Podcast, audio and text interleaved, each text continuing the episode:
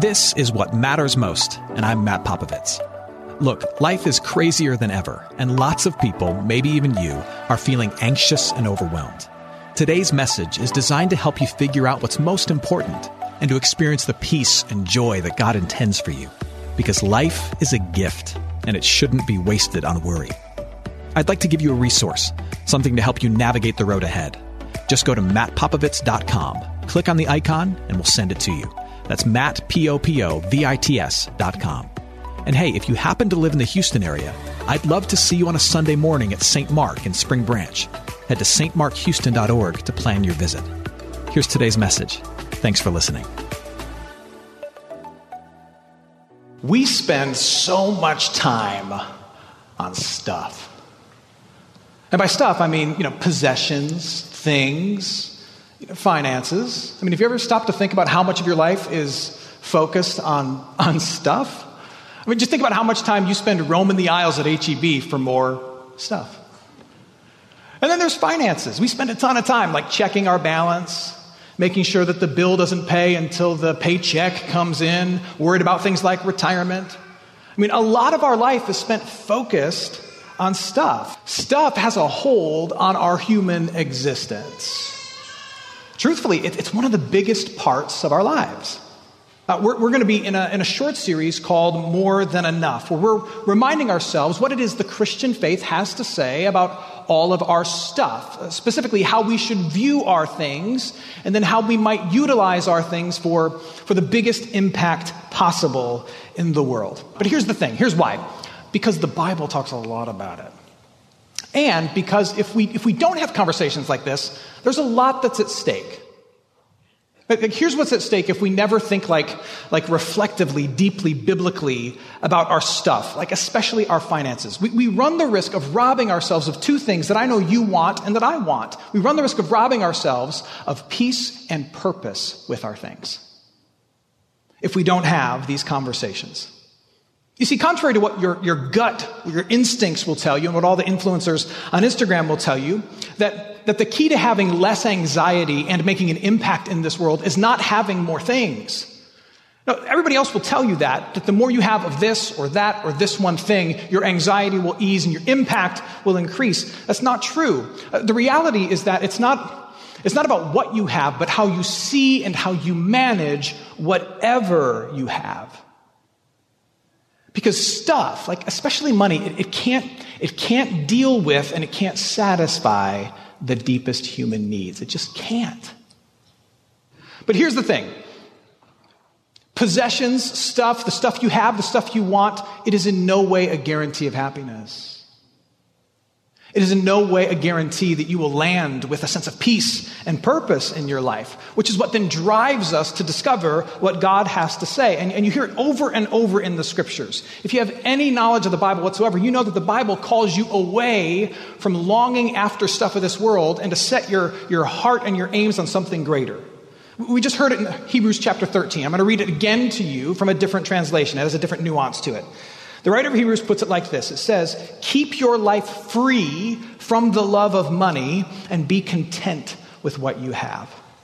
Now, it's important to note that nowhere in the Christian faith does it demonize stuff. Nowhere in the Christian faith does it say that it's bad to have things, even a lot of things. It never says that. Instead, what it tends to look down on is when your stuff has you. It doesn't look down on having a lot of stuff. It looks down on you having this, this inordinate focus and need for, obsession with, being driven by the things of this world. It's not about having a lot of stuff. That's not bad. It's when your stuff, whatever you have, has you. The goal for Christians, as you read through the Bible, is simply this the goal is to pursue something called contentment. Contentment is is being satisfied and settled with whatever you have. Contentment is being satisfied and settled with whatever you have. Your possessions don't possess you. You possess contentment. Whatever you have is enough. Now, notice the writer of Hebrews is not talking about a one time choice. Like you just get up one morning, you're like, okay, I'm going to be content with everything. No, it says, it says, and this is, this translation I just read to you is, is a better sense of the original language. It says, keep your life, meaning this is something you have to work toward each and every day. Contentment is not a one time choice. Contentment is something that you contend for regularly. A content heart, a heart that is, that is still and satisfied with what they have, whatever they have, is a heart that, that has undergone some regular maintenance to make it content. What's interesting is that like the early church really got this. Like the first century church, second, third, fourth century church, like for the first 500 years of Christianity, uh, they really got this. History and the scriptures tell us that, that they fought to be content with their stuff and not controlled by their stuff. And it then like freed them to make a profound impact, an impact that history records. If you're freed from a love of money, you are freed for a life of profound impact. That's the point. That's what contentment can open you up to. So, so, how does one keep themselves from a love of money and contend for contentment? Well, the, the, scriptures lead us to believe that really, honestly, it comes down to like a matter of perspective, like how you choose to see things, like the things you have. It, comes down to an attitude you seek to embrace and, and a perspective towards stuff, especially money, that you, that you fight to protect. You see, our, our natural, we would say, sinful instinct is to view everything in the world, especially ourselves, with an attitude of scarcity. Our, our impulse is to, is to focus on what we lack and on who has more.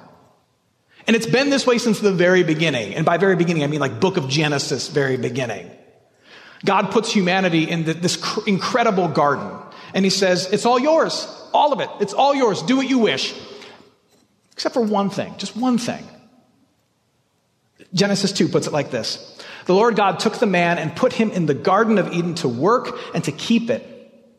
And the Lord God commanded the man, saying, You may surely eat of every tree in the garden, but of the tree of knowledge of good and evil you shall not eat. Let me read that last sentence again. You may eat of every tree in the garden. It's all yours, but one.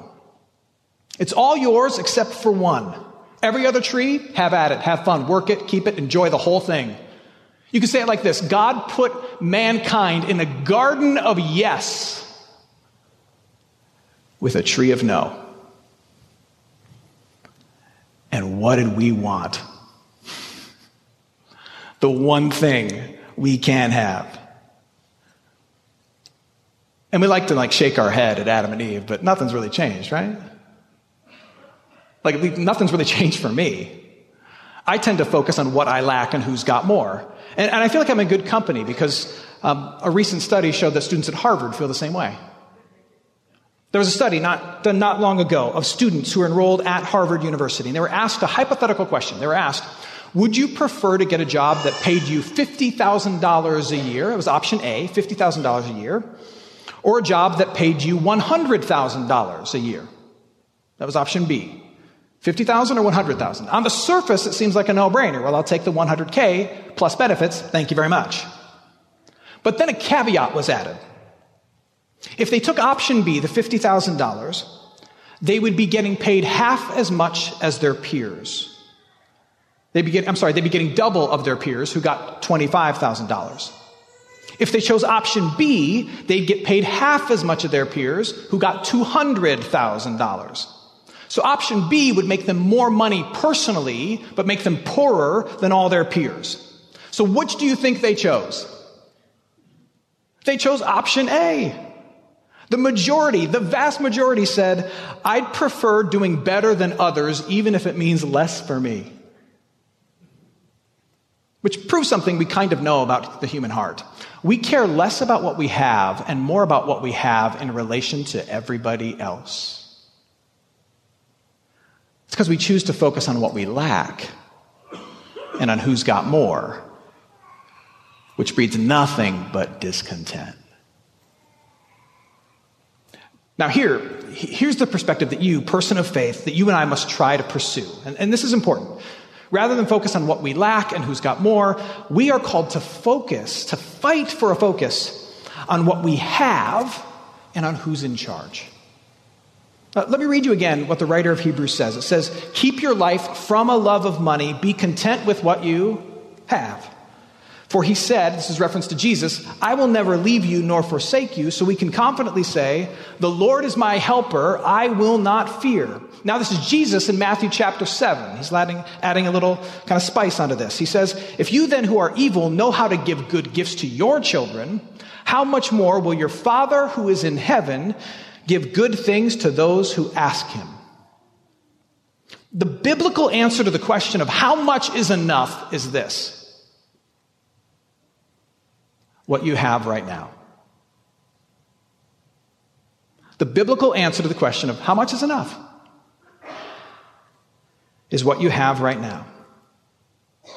Because from the perspective of faith, our security is in no way tied to what we have, but instead it's tied to who's in charge and what this person who's in charge has said about us. And this person who's in charge is a good and generous God who's made us members of his family and promised us a future. And if that's true, then whatever I have will be enough. I hope you're enjoying today's message. For more of what matters most, you can head to mattpopovits.com. There you'll find other messages. You can support this ministry as well as access your free gift. Oh, and if you're looking for a local church and you live in Houston, come and see what's happening at St. Mark Houston. To plan your visit, head to stmarkhouston.org. Thanks for listening, and back to today's message. Look, some of us need to hear this. Your view of God is the most important thing about your life. Your view of God is the most important thing about your life. Even if you don't believe He exists, that's a view of God, and that still is the most important thing about your life because what you believe about God shapes every other choice you make, and it shapes how you see everything that you encounter. So, for example, if you believe that God is this kind of angry taskmaster, then you will live in fear and longing to earn His approval. If you believe that God is absent, then you will live believing as if He doesn't matter and if it's all on you, all the pressure is on you. If you believe that God is this angry judge, then you'll, leave, you'll live bitter and on your best behavior. If you believe that God helps those who helps themselves, then you will live trying to give yourself a heaping helping. But also, if you believe that God is sovereign, meaning he owns everything, if you believe that God is good, He can forgive anything. If you believe that, that God is gracious and generous and He's promised you amazing things, that God is always present, He won't leave you in the dark thing, that He's a helper who's promised to be with you in the bad things, if you believe He's sovereign and He's good and He's present and He helps you, if you believe those things about God, then listen to me, you don't have to clutch onto clamor for the things of this world. If you believe those things, you don't have to clutch and grab and, and hold so tightly to earthly things. What you believe about God is the most important thing about you, which leaves me to a tough question. What does the way in which you spend your money and you deal with your stuff say about what you believe about God?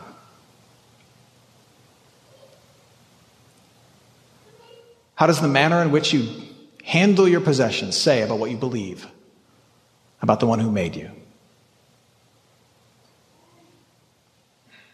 Now, here's the good news. What, we, what we believe is that Jesus Christ has lived and he has died and he has risen for you and for me. And he's, he's lived and he's died and he's risen so that he can earn forgiveness for your attitude of scarcity and your, your dalliances with discontent. And in Jesus Christ, we are guaranteed, in Jesus Christ, we are guaranteed that the kindness and the generosity and the power of God is working for us, not against us. We are guaranteed that the power and the kindness and the generosity of God is not hidden from us. He's not holding out on us. He's not playing some game with us. It is for us. He's with us. In Jesus Christ, that's the guarantee. The generous, powerful God is for you, with you. And if that's true, then it has profound impact in your life. It means that, that for example, these words of the famous preacher Jonathan Edwards are also true. He said this Because of Jesus Christ, your bad things will turn out for good. Your good things can never really be lost, and the best things are yet to come. Now tell me, if you really believed that, how would you deal with the stuff that you have?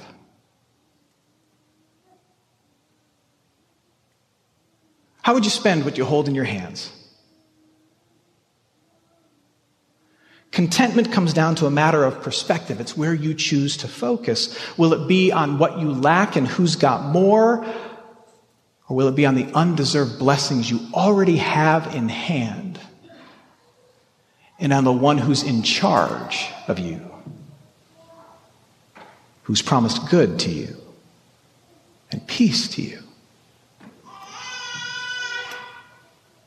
Now, along the way, uh, I would encourage you as you seek to have a focus that fills you with a little more contentment. I, would encourage you, as does the writer of Hebrews, to be mindful of your influences in this world.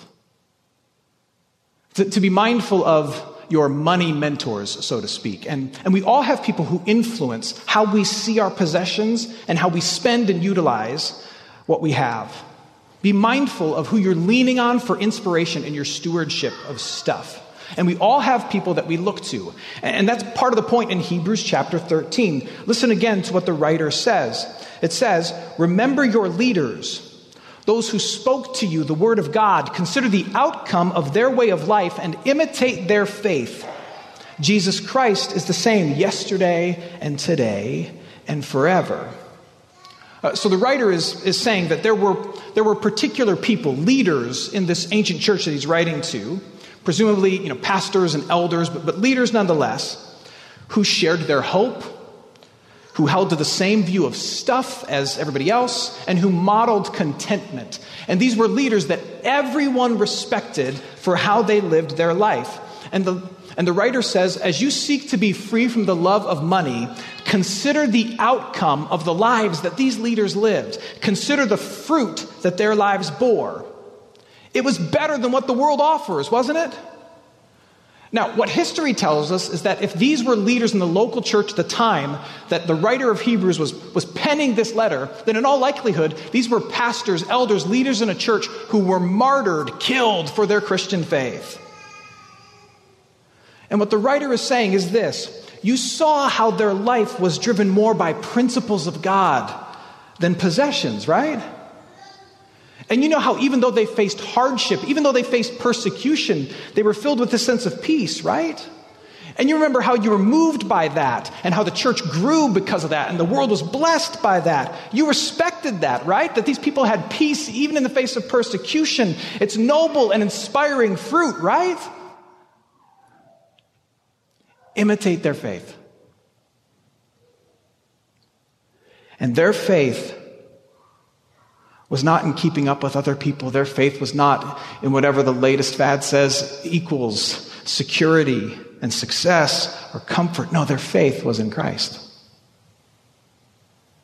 And Jesus Christ is the same yesterday, today, and forever. Translation, the same one who gave them peace in the face of trouble, gave them contentment, will do the same for you. He won't fail you either. What's influencing you? What's influencing your view of stuff and what matters most? And we all have somebody. Truth be told, in, in, my conversations with people and looking at my own life, I think most of us are influenced either by a ghost that we're running from or an idol that we're chasing.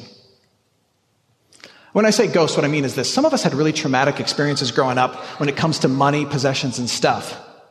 Uh, maybe you grew up in a house where mom and dad made really poor choices, where, where somebody failed to manage well whatever you were given.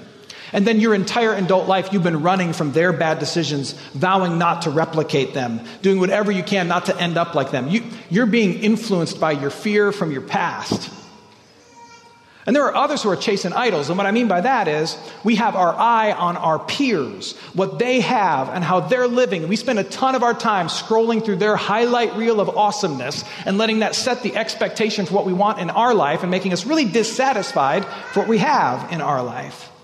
And if that's you, you're chasing idols. You're chasing a false promise of peace based on somebody else's possessions, and it ain't going to work for you.